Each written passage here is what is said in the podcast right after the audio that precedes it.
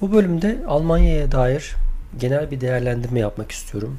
Özellikle ilginç bulduğum notları paylaşmak istiyorum. Ardından da bir Avrupa seyahatine çıkmayı düşünüyorsanız nelere dikkat etmelisiniz türünden e, tavsiyelerime yer vermeyi düşünüyorum. Almanya'ya dair yapacağım değerlendirmenin ilk maddesi şu. Türk nüfusu çok fazla. Türkler her yerde, her yerde karşınıza çıkıyor. Bir Türkiye çok rahatlıkla rastlayabiliyorsunuz. Yani önceki bölümlerde de bahsettiğim gibi havaalanında olsun, bir eğlence parkına gidiyorsunuz e, veya bir restoranda yemek yiyeceksiniz veya sokaklarda gezeceksiniz. Hemen her yerde karşınıza çıkıyorlar. Almanın her yerinde. Hani belli şehirlerde yoğunlukları var Türklerin ama onun dışında Almanya'nın hani böyle köşe bucak ufak yerlere kasabalara falan gitseniz de yine karşınıza Türkler çıkabiliyor. İnanılmaz seviyede bir bisiklet kullanımı var. Hatta hani bisiklet olayı öyle bir seviyeye gelmiş ki hani ulaşımın bir parçası haline gelmiş, günlük hayatın bir parçasını haline gelmiş. Otobüsün arkasına dair bir romörk takılacak derecede insanlar bisiklet kullanıyor. Niçin romörk takıyorlar? Amerika'da yaşayanlar bilir. Amerika'da toplu taşımacılıkta eğer bisikletinizle bir yerden bir yere gidiyorsanız belli noktalarda hani e, otobüse binmeniz lazım. Otobüse bindiğiniz zaman bisikletinizi ne yapacaksınız? Otobüslerin önünde iki bisikletlik bir e, yer olur. Bisiklet taşıma e, yeri olur. Oraya bisikletinizi koyarsınız, bağlarsınız. Otobüsten indiğiniz zaman tekrar bisikletinizi alırsınız. Gideceğiniz yere gidersiniz. Amerika'da böyle bir uygulama var ama iki bisikletten fazla olmaz. Almanya'da doğal olarak bisiklet kullanımı çok yaygın olduğu için yani herkesin bisikleti olduğu için böyle uzak mesafelere de illa bisikletimle gideyim diye e, arzu eden insanlar için bazı otobüslerin arkasına bir romörk takılmış. Yani böyle bir kasa gibi, ekstra bir kasa gibi böyle 8-10 bisikleti taşıyan bir romork var. Böyle çok garibime gitmişti o romorku görünce. Böyle şaşırmıştım yani. O derece bisiklet kullanım var Almanya'da. Bunun dışında otoyollarda hız sınırı olmayan kısımlar var. Bunu daha önceki Almanya seyahatimde tecrübe etmiştim. O zaman araç kiralamıştık. Kendi kiraladığımız araçta böyle bir 180'e falan kilometre tabii e, vurmuştuk. Sol şeritten gitmiştik. E, bu seyahatimizde araç kullanmadık. Çünkü e, bizi gezdiren akrabalarımızın kendi araçları vardı. Ama yine otoyollarda hız limitinin olmadığı yerlerde yine 180'e 200'e kaptırmış giden insanları yolculuk boyunca gördük. Ulaşım kolaylığı çok gerçekten hani günlük hayatı kolaylaştıran bir nasıl diyelim Hani arabaya bağımlı değilsiniz. Amerika'ya kastığınız zaman Amerika'da hemen hemen her yer arabayla gitmeniz gerekiyor. Hani otobüste gitme şansınız da olabilir. Ya fazla yol yürüyeceksiniz ya otobüs sizi bir yerden sonra götürmeyecek ya da otobüsle gittiğiniz için 10 e, dakikada gideceğiniz yere 1-1,5 saatte falan gideceksiniz. Böyle saçmalıklar var. Amerika'nın tabi böyle büyük bir yani alana yayılmış olmasının bir sebebi bu. Ama Almanya'da bu anlamda gerek otobüs gerek tren yani zaten bisikleti zaten saymaya gerek yok çok fazla seçenek var. Mesela Köln şehrine gittiğimizde yine e, scooter ve bisiklet kiralama imkanlarının olduğunu görmüştük. E, küçük kasabalar nispeten daha sessiz ve güvenli geldi bize. Hani Almanya'nın suç oranlarını bilmiyorum. Büyük şehirlerde durumlar nedir falan onu da bilmiyorum ama e, biz hep böyle Almanya'daki neonazilerle, ırkçılık olaylarıyla falan büyümüş bir nesil olduğumuz için vakti zamanında özellikle Türk göçmenlerinin oralarda sıkıntılar yaşadığını da bildiğimiz için küçük kasabaların bu güvenli ve sessiz ortamı bizi adeta çok hani rahatlattı, şaşırttı. Çocukların sokakta oynayabilmesi, bisiklette kasabanın bir ucundan diğer bir ucuna gidebilmesi, markete ekmek almaya gidebilmeleri çok güzel bir şey. Sosyal devlet Almanya.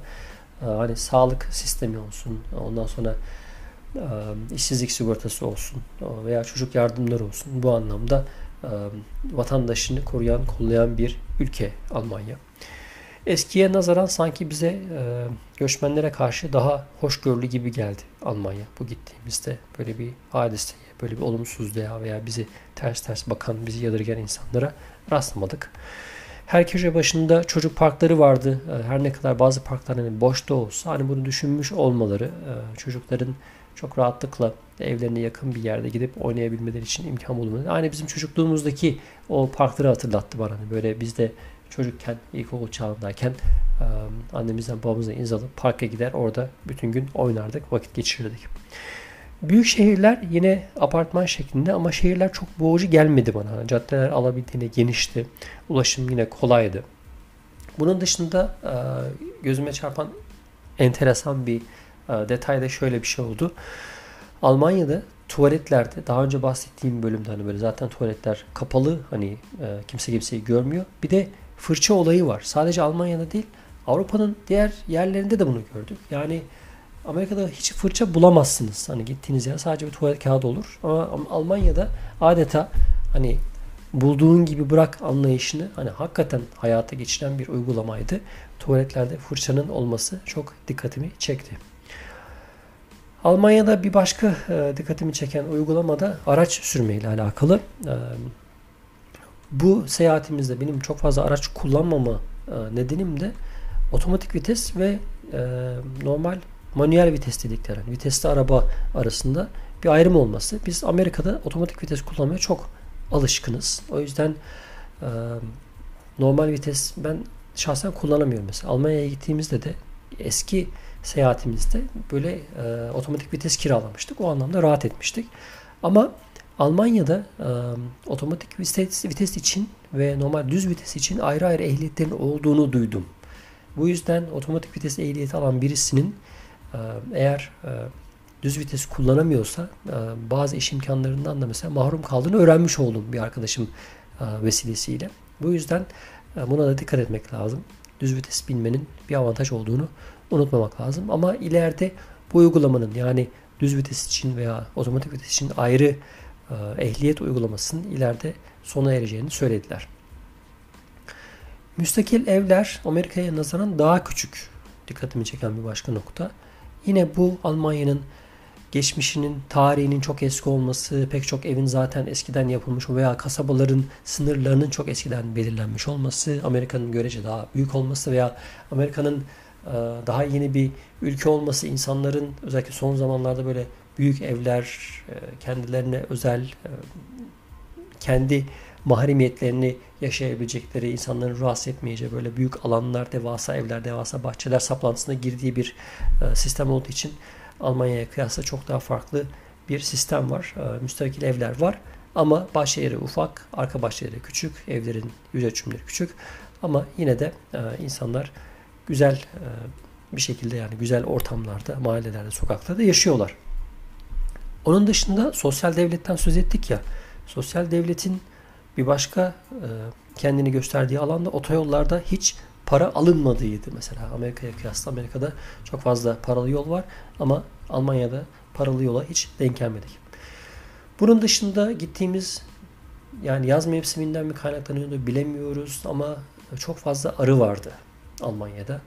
Ee, arılar her yerdeydi. Her gittiğimiz yerde peşimizi bırakmadılar. Hani eğlence parkları, piknik yerleri, ondan sonra göl kenarları, evin içi dahi hep sürekli arılarla muhatap olduk. Hatta arılardan da e, sokulanlar oldu bu seyahatimiz esnasında. Arıları öldürmek yasak diye bir şey duyduk. Cezası var dediler. Çünkü Almanlar hani arıların gerçekten hani bu e, tabiatın e, o dönüşüm sürecinde rol oynadığını düşünüyorlar. Onlara özel bir e, rol biçiyorlar. Bu biliyorsunuz hani bitkilerin polenlerini bir yerden alıp bir yere götürüyorlar. O, o döngünün parçası olduğu için arıların öldürülmesine dair çok büyük cezalar verildiğini duyduk. Çok fazla elektrikli araba görmedim. Tek tük de olsa Tesla gözüme çarptı. Hani Bilmiyorum elektrikli araba aslında Avrupa'da daha da yaygındır diye düşündüm ama Almanya'da çok fazla elektrikli araç gözüme çarpmadı. Elektrik şarj istasyonları falan da çok fazla görmedim. Ee, Kopenhag'da gördüm. Bundan da belki bahsetmek gerekebilir. Kopenhag'da bir şarj istasyonu gördüm. İnsanlara araçlarını orada şarj ediyorlardı. Her yerde sigara içilmesi de yine enteresan bulduğum şeylerden birisiydi Almanya'ya dair. E, tabii bunu merak edince, şöyle bir internetten bakınca Amerika'da %12.5 oranında sigara içiyormuş insanlar. Nüfusun %12.5'i. Almanya'da bu oran %25'miş. Hani bu fark kendini hissettiriyor. Bir de nedense hani Amerika'nın belki sigara içme yasağıyla alakalı e, böyle kapalı alanlarda falan sigara içemiyorsunuz. Ama Almanya'da nereye gitseniz hemen birisi bir sigara yakıyor. Yani o ortamda sigara içebiliyor. Çok fazla insanlardan tepki gelmiyor. Etrafta sigara içen insan da çok görüyorsunuz. Bu mesela çok yadırgadığım bir şey olmuştu Almanya'ya dair. Amerika'ya e, büyük bir hayranlıkları var. İşte filmleri, müzikleri, Amerika'nın malum restoranları, Subway, e, McDonald's falan Almanya'da hakikaten çok sık karşımıza çıkan e, Amerikan markalarıydı.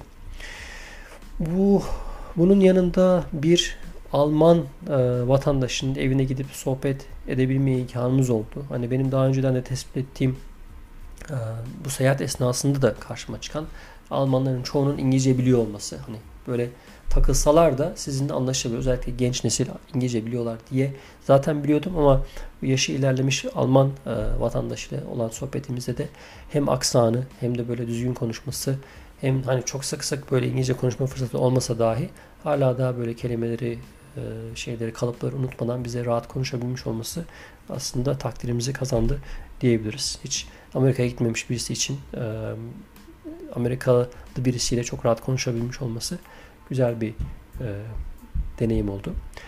Gene, gene hani daha önce de başka bölümlerde muhtemelen bahsetmiştim. Güneş geç batıyor. Almanya'da gece 10 gibi batıyor. Bu yüzden günler çok uzun.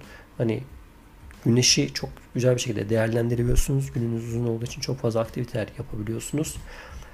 Pazar günü marketler kapalı Almanya'da. Hani bu küçük kasabadan olmasından dolayı mı bilmiyorum. Hani ülke yenine bunu yaymak lazım mı ama insanlar alışverişlerini önceden yapıp hani ekmekti, süttü, şuydu buydu e, pazar gününe bırakmıyorlar bunu.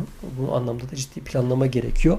Amerika'nın mesela yani kapitalist sistemi burada gerçekten hissediyorsunuz yani Almanya ile Amerika'yı kıyasladığınız zaman. Amerika'da pazar günü alışveriş günüdür yani. Çünkü herkes tatilde. Herkes sokağa çıkıp hani alışverişini rahatlıkla yapıyor yani satışların yani en yüksek oranda gerçekleşti yani. Alışveriş merkezlerinin falan açık olduğu yerler cumartesi, pazar günleridir Amerika'da.